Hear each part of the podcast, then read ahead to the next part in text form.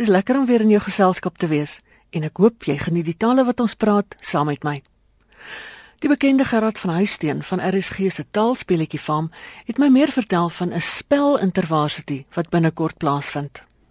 Ina, dit is 'n inisiatief wat eintlik deel is van 'n groter inisiatief van die ATKV, die Woorde Open Wêrelde uh inisiatief in in uh, by die Universiteit van Stellenbosch en die Suid-Afrikaanse Akademie vir Wetenskap en Kuns waar ons begin met 'n uh, wat ons noem die Afrikaanse spelfees waar ons mense op verskillende vlakke wil betrokke kry in spelspeletjies en in taalspeletjies uh om so 'n uh, groter bewustheid te kweek van die belangrikheid van spelling. En hierdie deel fokus dan spesifiek op studente.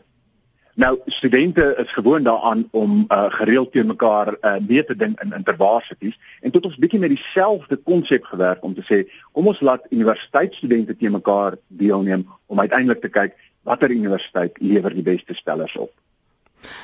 Sou mens later kon kyk na hoërskole? In die een deel van die kompetisie wat nou nie uh, op radio uitgesaai uh, word nie, is dan juis 'n kompetisie van woorde open wêrelde en van die ATKV waarin hulle spelkompetisies doen by verskeie uh, skole in die land. Die kompetisie is al aan die gang en die wenners van die skoolkompetisies word hier in Oktober uh, aangewys. So hierdie spelintervaarste is 'n spesifieke um, inisiatief van RSG en die ATKV inderdaad inderdaad. En ons kry ook uh, geld by die Suid-Afrikaanse Akademie vir Wetenskap en Kuns by die Dagbreek Trust. Uh, ons het uh, ander borge wat pryse borge soos die Sentrum vir Tekstegnologie by Noordwes Universiteit ensovoorts ensovoorts. So maar die twee leidinggewende liggame hier is die ATKV en RSG nou wie neem hier aan deel? Hoe bepaal 'n mens watter span van 'n universiteit gaan deelneem? Ina daar is 6 universiteite wat gaan deelneem As ons onder in die Kaap begin, die Universiteit van die Wes-Kaap van Wes-Kaapland, Universiteit van Stellenbosch en dan uh, die Universiteit van die Vrystaat, dan Noordwes Universiteit, die Universiteit van Pretoria en die Universiteit van Johannesburg. Elkeen van hierdie kampusse moes vir ons 'n span stuur van twee verteenwoordigers. En hierdie twee verteenwoordigers van die universiteit gaan dan teen mekaar meeding in die intervarsity. Nou hoe hulle daardie twee deelnemers geïdentifiseer het, uh, is elke universiteit se indaba en party universiteite het speletjies en interne kompetisies op hulle kampus aangebied ensovoorts ensovoorts. Ons kry uiteindelik wanneer ons die opnames doen vir die intervarsity net gewoon hierdie spanne van elke universiteit. En op die intervarsity self is daar verskillende afdelings soos wat die taalspeletjie op 'n stadium was, ehm um, diktee en spel en wat is reg, wat is verkeerd? Is dit daardie tipe patroon? Ja, dis die tipe selfde tipe patroon as wat in die taalspeletjies was, maar natuurlik heeltemal nuwe konsepte want nou is dit spanne wat teen mekaar speel. So met ander woorde ons het met nuwe speletjies, nuwe idees, nuwe punte stelsels en so aan voor in dag gekom om dit lekker opwindend te maak vir die deelnemers en natuurlik vir die luisteraars om na te luister. Hoekom word dit aangebied? Ja, dit is in die hele land merk ons dat daar 'n bewustheid ontstaan stadig aan van mense wat bewus word daarvan dat aan die een kant spelling is belangrik en aan die ander kant dat om spelling te leer in aan kan lekker wees en dit kan pret wees. Dit hoef nie iets uh, vreeslik te wees waar 'n juffrou jou met 'n liniaal oor die vingers tik nie. So hierdie hele bewustheid wat ook nie net in Suid-Afrika is nie, maar wat ons ook elders in die wêreld sien, het ons gesê, maar hiervan moet ons iets maak en ons doen dit op 'n prettige en op 'n speelderige wyse om uiteindelik by mense 'n bewustheid te kweek van die belangrikheid van spelling en dat dit nie so moeilik is om reg te spel nie. Mens moet enkele beginsels leer. Jy moet weet wanneer jy verkeerd spel, jy moet weet waar om te gaan kyk as jy nie uh, kan spel nie ensovoorts ensovoorts. Dis nie die einde van die wêreld as jy nie kan spel nie, maar spelling is en bly belangrik. En Is dit nie dalk so dat die uitdaging, die speluitdaging iets wat groter word en alreeds groter is as sê 15 jaar terug vanweë die spelling wat kinders aanleer op sosiale media en uh SMS'e en die daar daar ontstaan amper 'n nuwe spel reël in daai media. Dit is aan die een kant so ons kan nie dit uh wegmaak om te sê dat die nuwe omgewings waarin ons werk nuwe uitdagings bied ensovoorts ensovoorts ensovoorts. Maar is dit nou verskriklik anders as 60 of 70 jaar terug? Toe was daar ook unieke uitdagings. Uh as jy met 'n tikmasjien getik het, het dit sy eie uitdagings gebring met betrekking tot spelling. As jy met 'n volpen en 'n veerpen geskryf het, het dit sy eie uitdagings gebring. So ons het maar net 'n nuwe media wat weer nuwe uitdagings bring. Die stelling vandag is nie noodwendig vrotter as 50 jaar gelede nie. Vandag sien ons net baie meer omdat mense op Facebook en Twitter en so aan hulle skryfsels publiseer, sien ons dit baie meer as wat ons 50 jaar terug die liefdesbriefie gesien het wat uh uh Jan vir uh Anne Marie gestuur het. Dit het ons nie gesien nie, maar daar die kon net so vrot gewees het van die spelfoute as wat ons vandag op iemand se Facebook manier sien. So, die punt is, ja, daar is nuwe uitdagings, maar so was daar ook uh uitdagings oor die eeue heen. Vandag sien ons net baie meer spelfoute as wat ons dit 50 jaar terug gesien het. Dink jy spelling het 'n invloed op mense akademiese prestasie later? Ek is nie 'n onderwyskundige nie, so ek gaan my moeilik daaroor kan uitlaat. Uh en daar's heeltemal studiegebiede van mense wat uh dislekties is en so aan. Ja, ek weet heeltemal te min daarvan. Wat ek wel kan sê is spelling het 'n invloed op jou spelvermoë, het 'n invloed op die, effektiwiteit van jou kommunikasie. Daaroor kan ek iets sê. Want tekste wat vol is van uh spelfoute, skep byvoorbeeld by 'n werkgewer die indruk van iemand wat slordig is.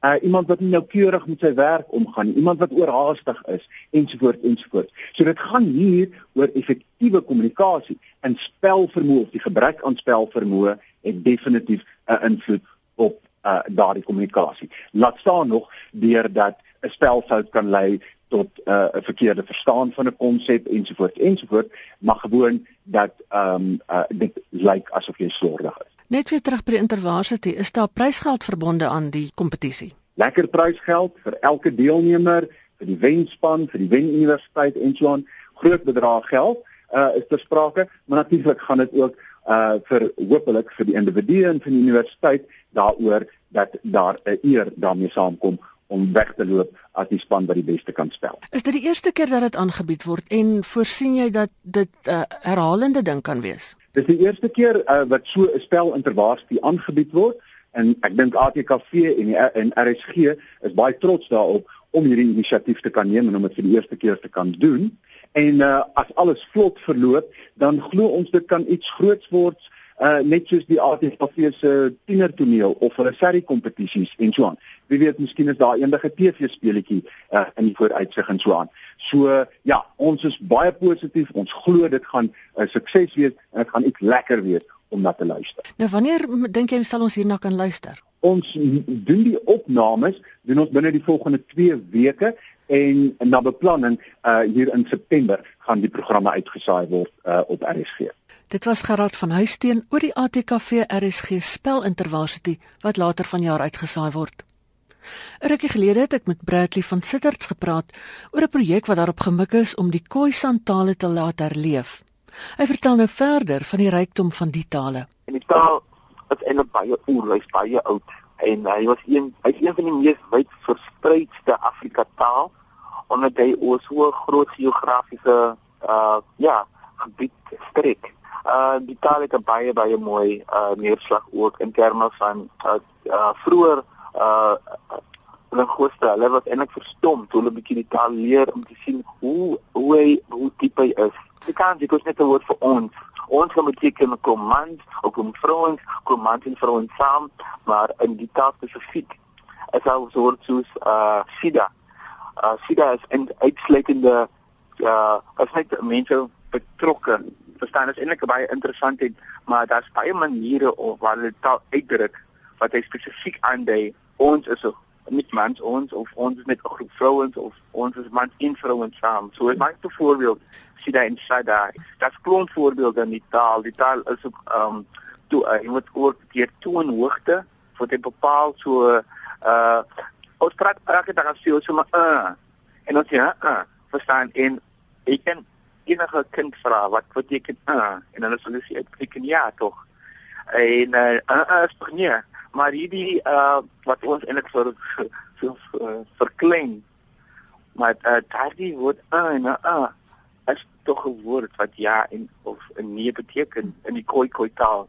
Kan jy bepaal hoe oud die taal is? Dit is nog moeilik. Ehm um, wat wat uh, 'n linguiste wel kan doen is, hulle kan kyk eintlik in ander tale wat in konde gekom het, hoeveel neerslag het plaasgevind. Sien, soos met taal soos isiXhosa, wat hulle eintlik kom hulle agter nee, daar's baie ehm um, neerslag in daai uh, Afrika taal omdat die die klappklanke is eintlik geleen soos ons sê van van die Khoikhoi en van die San die Bushman mense uh, aan aan die Ngunis die woord die taal is baie oud. Ek bedoel as ons nou teruggaan om te kyk dat die die Khoikhoi en die San die Bushman mense die Khoisan se ook vandag nog geskien staan. Uh een van hulle is die oudste ehm um, DNA op die planeet. Uh hulle hulle is die oudste as hulle in Engels dan sê die uh, genetic carriers. Uh so die tale wat hulle praat ook aandui dat dit van die oudste tale is selfs ehm um, wat nog altyd bestaan. En ehm um, ja, so daar is die tale is die Boesman het nou ook hulle vir hulle verskil eintlik in taal van hulle praat as ek kom die die tong uh, die kwantie en hulle tale as al as almal klapklanke, om 'n klap hulle seigklanke het verskil nogal baie interessant. Eindelik ook aan die uh dat daar was groot groot skaalse ontwikkeling in die tale, selfs die dialekte. Daar's uh, een taal met verskillende dialekte en wat ook selfs deur die ander tale wat hulle in kontak is ook beïnvloed was.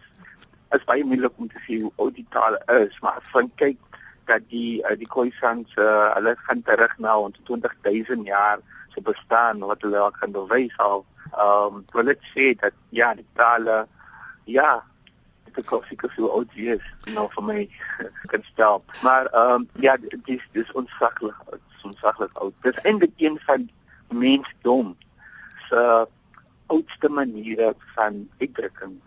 Wat wat vir my eintlik baie interessant is Ina is om te sien hoe vir alle mense hoe die taal eintlik belangrik is.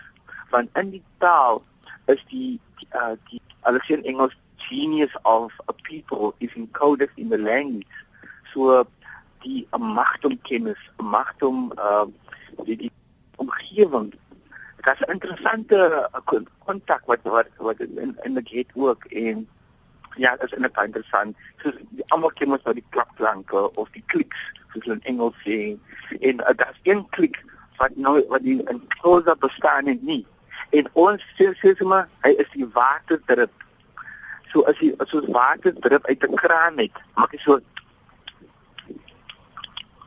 geluid. Hy is so nat geluid. So is baie interessant hoe die taal self geluide van die natuur ook geïnkorporeer het nie, in in die uitspraak en ook in ja so is baie mooi. Ek ek is net heel verlief op die taal as jy so sê dat uh ja, ek bedoel vir myself, ehm uh, dit is ook 'n mate van genesing wat die taal ook bring, want baie mense ehm uh, hulle weet ek bedoel baie mense my gevra Bradley, wat is die wat is die oudste naam van Kaapstad? Byvoorbeeld, was hy ehm um, voor uh, koloniale kontak en wat toe mense by wat het hulle die plek genoem? Verstaan? So in 'n naam toe ek Abri Namas kom maar in Gibeonlos, soos in Groot Namakoland. Toe sê hulle vir my hulle het getrek uit die Kaap uit en toe hulle 17 generasies terug en toe hulle hier gebly het, het hulle die plek genoem Huiheid.